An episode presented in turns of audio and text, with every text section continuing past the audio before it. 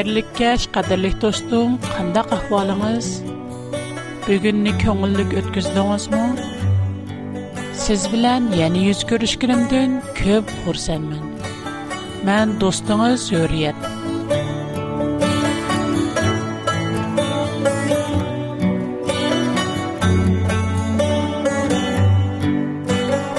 Hayat nimi degan tez dostum. Моши bir апта мен үчүн бәк тез өтүп кетти. siz his qildingizmi shaxsan siz va mening esl sovg'atlar programmamizga qadam tashrif qilg'aysiz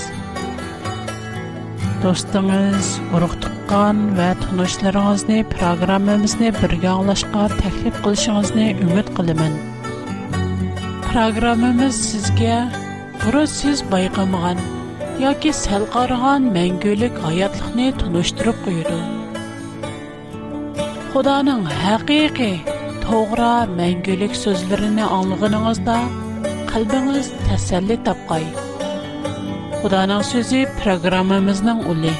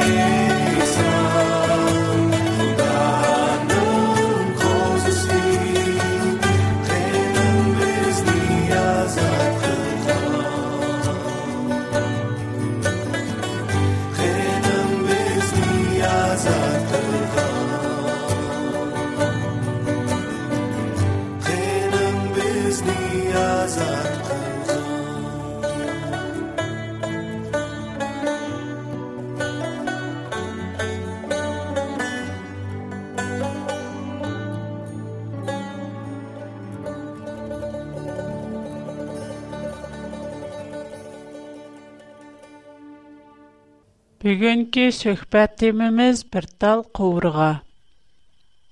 Алладың башка heç мәбуд юқтыр. О, юшырынны, ашқарыны білгічудыр. О, наайты шәпқатліктір, наайты мехрібандыр. Кәң рахмәт егісідір. Сілерні әр аял қылып яраттық. Құран кәрім 59-й сөрә әшір 22-й айет, 78-й сөрә нәбә 8-й айет. Михрибан вә рәхмәтлі Құда инсанларыны әр аял қылып яратқан. Әм әр вә аял отырсыда мүкәммәл пақ достлық шәкіләндіріп, оларға мұқаддәс айлә мұнасетіні ата қылған. Бірақ ғазырғы жәмет жүр. Hazırkı jemette aile nimägä oxshaydu?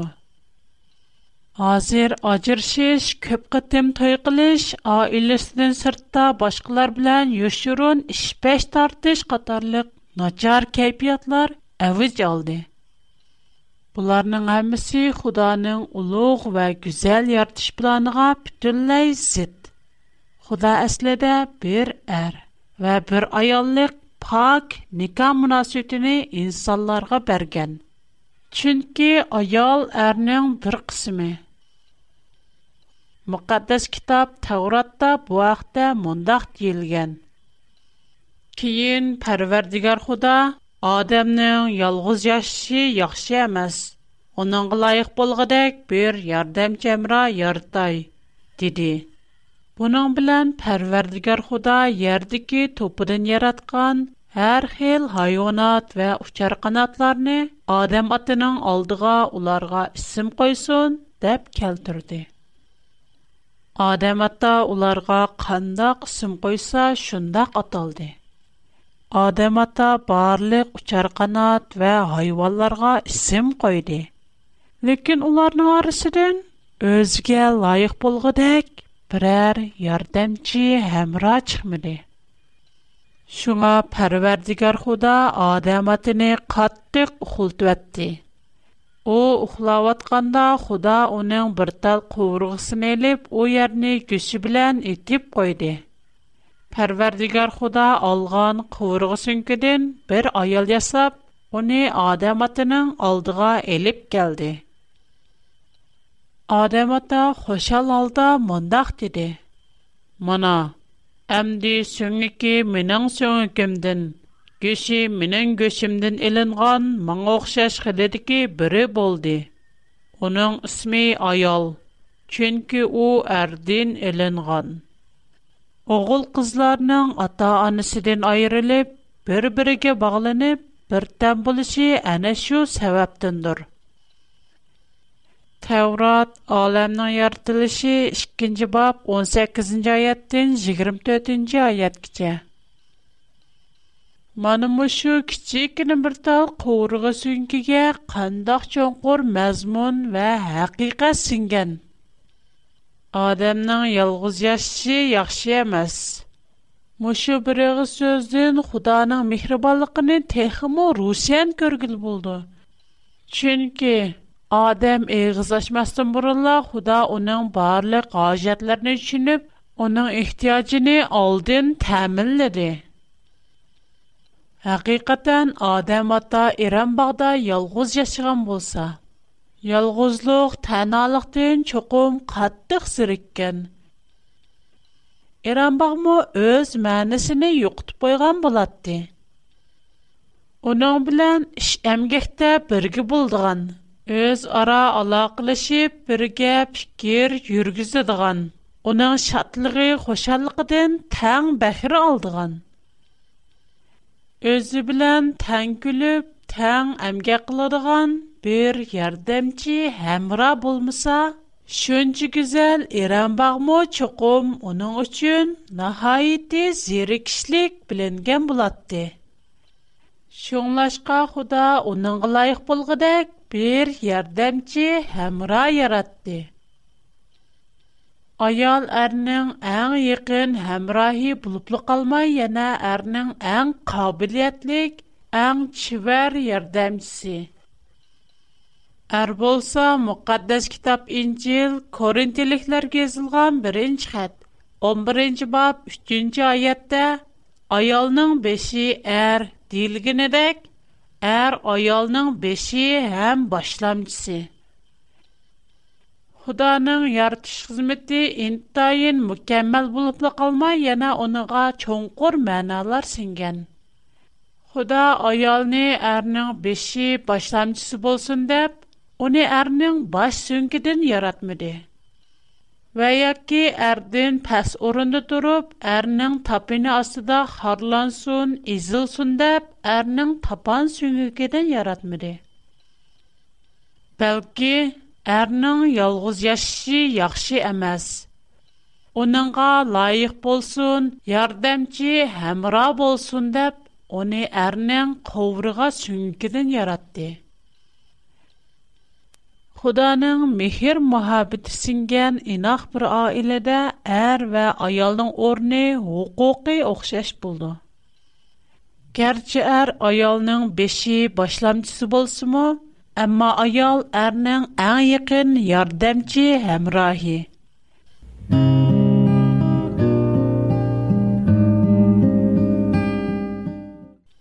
Әр аял бер-бердән айрыла алмайды. Nəvada әр bir ər qarar çıxarsa, ayal onunqa yıqındın həmdəmdə buldu. Ər bir ər çoğun müabqiyyət girişkəndə onun xoşəlləqdən tən ozır aldıqan. Bir ər köğülsüzlük, ya ki, onusuzlu qışdırğanda onunqa təsəlli birdiğini, onun Өз Худа Хава анини худди адам атын ясығандай кусулда бір сықым тупрақтын ясашқа пүтіллай қадыр еді. Бірақ Худа онда қылмеді.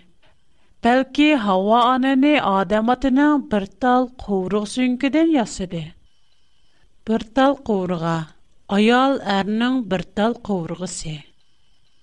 Шуңа бер аилә әр вә уның ковругысы булган аялдан төзелгән. Ондакта әрнең аиләдәге вазифсе неме? Аиләдә әрнең бурчы фақат аиләне камдаш, аиләне башкарышла эмас, өз тинының ярымы булган аялыгы күенеп, фәрзәндләрене яхшы тәрбиялаш. Аялның вазипсі болса, пәкәт ерінің бұйрығыны аңлап, айлы ішіні қылыш болсыға қарашләмәз, ері білән яқшы алақыды болып, ерінің ішілерға әмдәмді болыш. Ерінің қайғу әм шатлықыға ортақлыш іш. Әрмо өз планеден айалыны хәвәрдар қылыш. Қиын мәсілләр күліққанда айалыдың муапиқ пікірләріні әліш. Айалинан пикарин элиш, харгиз нумыз қылдған ішемез. Чунки айал әрдин элинған, әрнин ерім тіни турса. Кандак адам өзінін ерім тіниден нумыз қылуду. Навада бирари өзіні юкору тудуп, айалини харлиса. Өз тінини харлған Әгәр аялыны пәс күрсә, оғшашла өзіні пәс көргәлдік.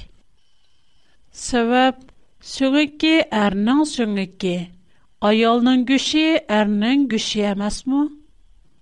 Шуңа адил вә мехрибан Худаның нәзәрдә әр вә аял оғшашлы қадірлік. Muqaddes kitab Tevrat aləminin yaradılışı 1-ci bab 27-ci ayədə aytilğanıdək Bunun bilen Xuda insanı öz obrazidek yaratdı. Onu özgü oxşaydigan qılıb yaratdı. Şundaqlı onlarını er ve ayal qılıb ayrım yaratdı. Bunundan kürvağılı buldu ki, Xudanın obrazı er ve ayaldıla tulluq əks etken. Bu yerdə yana qayta təkidləb ötüşki doğru kildiğan bir məsli var.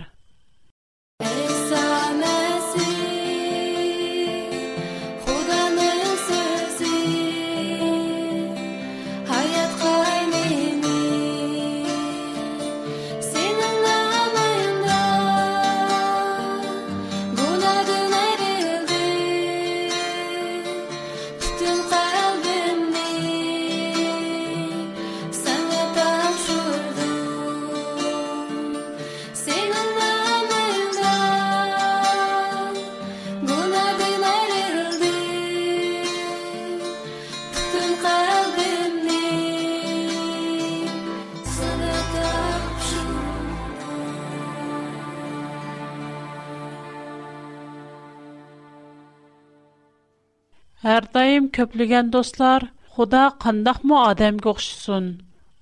Адам қандақ му Худаның образ бұлалайды? Біз Худаны көріп бақмыған.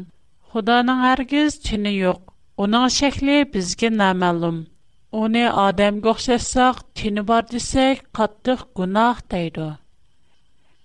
Шының белән Тавраттагы бу аятлар уларның фикергә, хыялыга зит булганлыктан бу аятларны үзгәргән ялган дип карайды.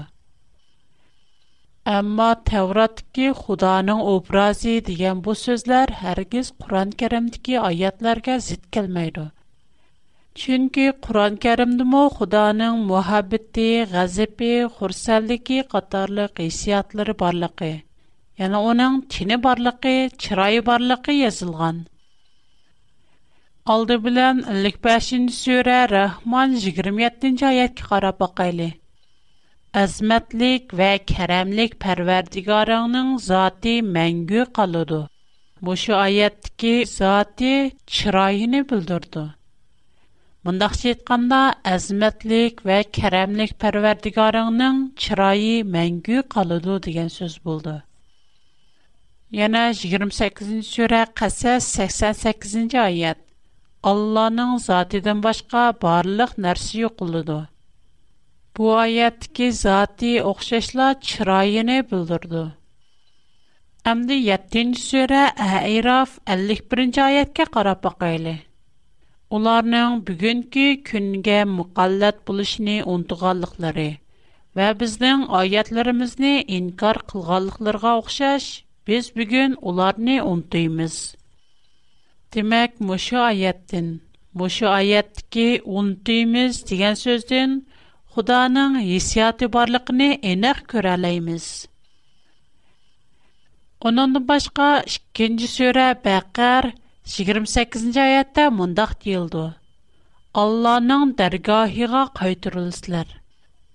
Бу айетнең мәнисе Алланың туры дигән бар. 7-ci surə Ə'raf 54-cü ayət. Allah osmanlarını və zəminni 6 gündə yaratdı. Ondan əriş üstüdə qərar aldı. Müşayiətki qərar turalğı yoki taxtni bildirdi. Yana Allah'ın taxtı barlığını bildirdiğin ayətlərdən 39-cu surə Zümer 75-ci ayət pərişdilərinin pərverdigarıqa təsbih etqan, həmdə etqan halda təxtinin çörüsünü orab turğanlıqını görsən. Müşayətnin tərcüməsində bir az səbəlli görüngən o bolsumu, tərcüman əsli tildəki təxtinin çörüsünü deyən sözünü ərişdən çörüsü dəb tərcüm qılğan. Bu bəlkəm onun şəxsi fikri bolsa kerak. Ондақ болмыса, 27-н сөрә Нәмил 23-нче аят. Мен хакыйкатан уларга бер аялның патшалык кылып аткан көрдем. Уныңга һәммә нәрсә берилгән икән. У чоң эришкә игә икән.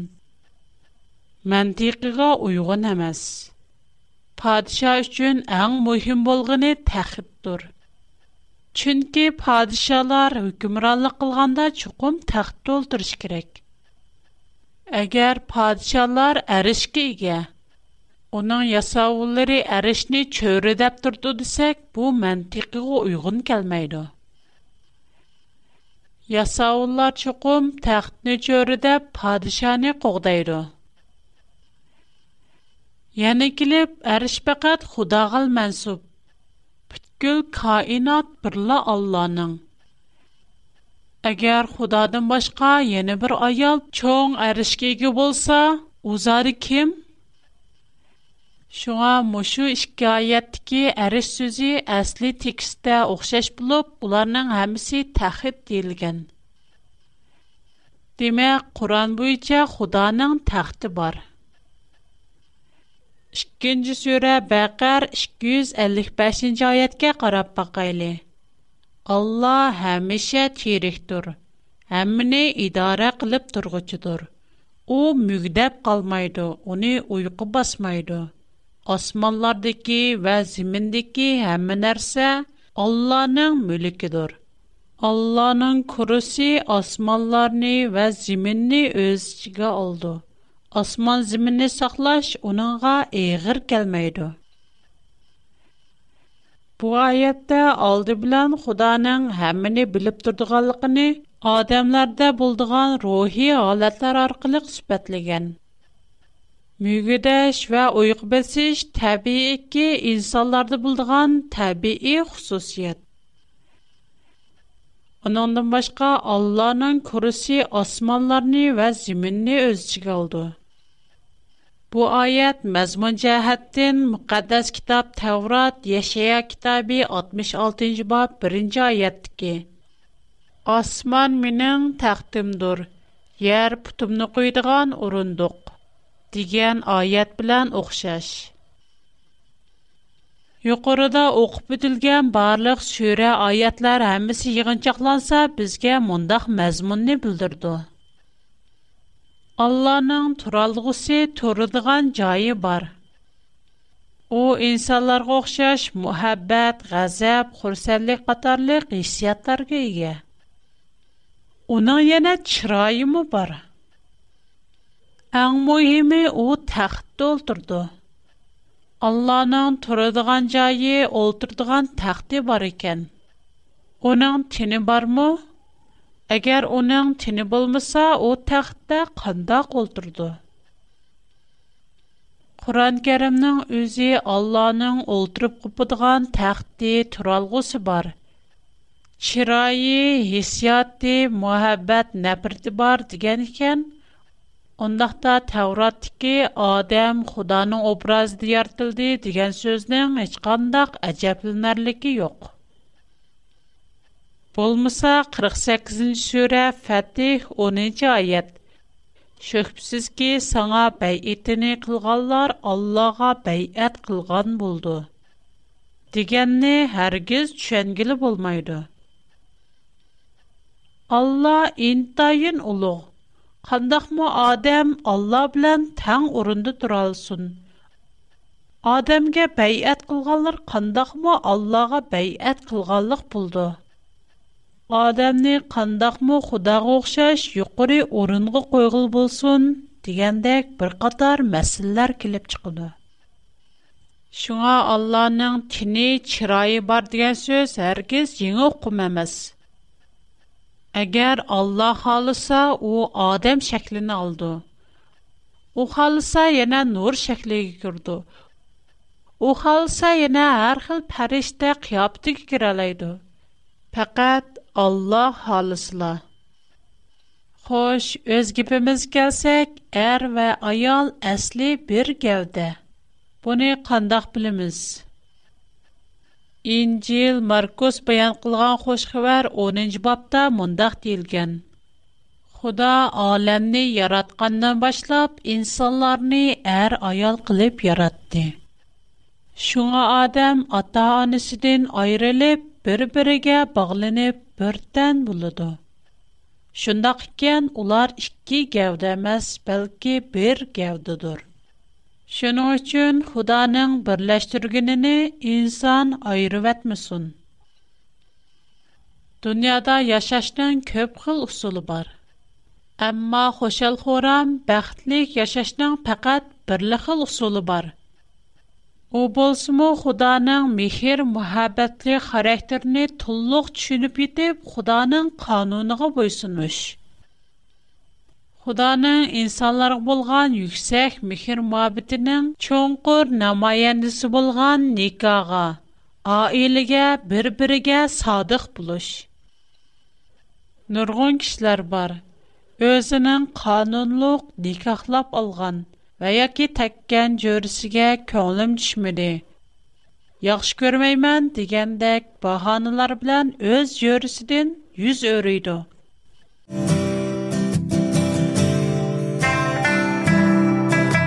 Dostum, məndə köpləgən temədəki yaxşı proqramlar var. Məsələn, Xudanın fəziləti, etiqad, qurbanlıq, iman, axirət qatarlıq. Agar yaxshi ko'rsangiz, menga xat yozsangiz, siz xohlaydigan programmani sizga haqsiz avatib beraman. Programma oxirida mening aloqalash adresimni deb bermoqchiman. Qog'oz va qalamni oldin tayyorlab olishni unutib qolmaysiz.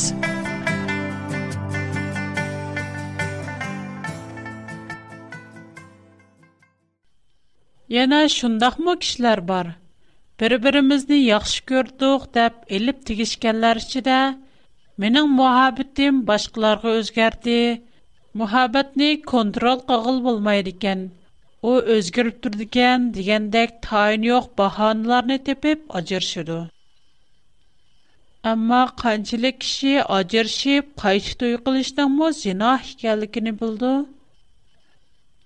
Əxlaq qarşı bo'yicha faqat jo'risidan yoshirin holda boshqalar bilan jinsiy munosabat o'tkazish shalloqlik, zina deb qaraldi. Ammo ajrashib qayta to'y qilishni zina demaydi. Lekin muqaddas kitob bo'yicha qayta to'y qilishmi o'xshashla zina.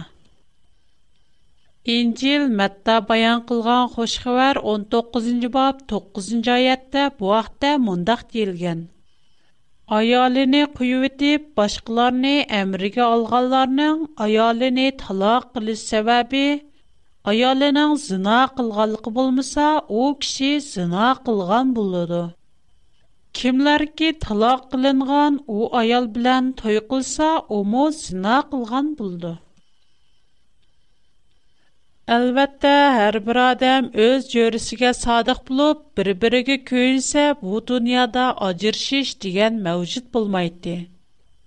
Аҗыршыш, көп тәй кылышмы әмәлиятта шайтанның бу дөньядагы инсанларның аилесегә зидият уркыны чечиш, инаксызлыкны пайда кылыштагы яңа бер хил васитасы. Навада һәр бер адам үз тиненең йөремгә айланган җөрисегә мәхәббәт, сөйге белән карыса. Аяллар үз иренең иң ахмакана карарыгы мы кушылса, әрләр аялыны асырса, уларга күйүнсә, Шейтанның эзик турышыны рәт кылып, һәр көне өзгә. У минең тинем. Мен оны яхшы көршим керек. оны яхшы күрәләймен. həm yaxşı görəmən deyə özünü ağahlandırıb dursa, ailə həqiqi illiqlikqa, bəxtə çömgən. Dünyamı gözəllik tolğan bulatdı. Əfsus, şeytan insanları qatlıq azdırdı.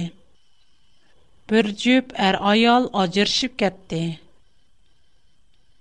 İncil Korintiliklərə yazılğan birinci xətt 7-ci bab 4-ci ayətdə ayalın tini faqat özünə emas, həm erigə mə təalluqdur. Şunun oxşayışla ərinin tini mə özünə emas, ayalığı mə təalluqdur deyilgan.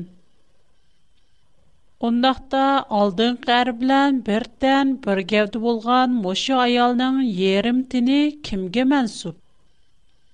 алдынғы ерігі яки, яке кейінгі жөрісі мо.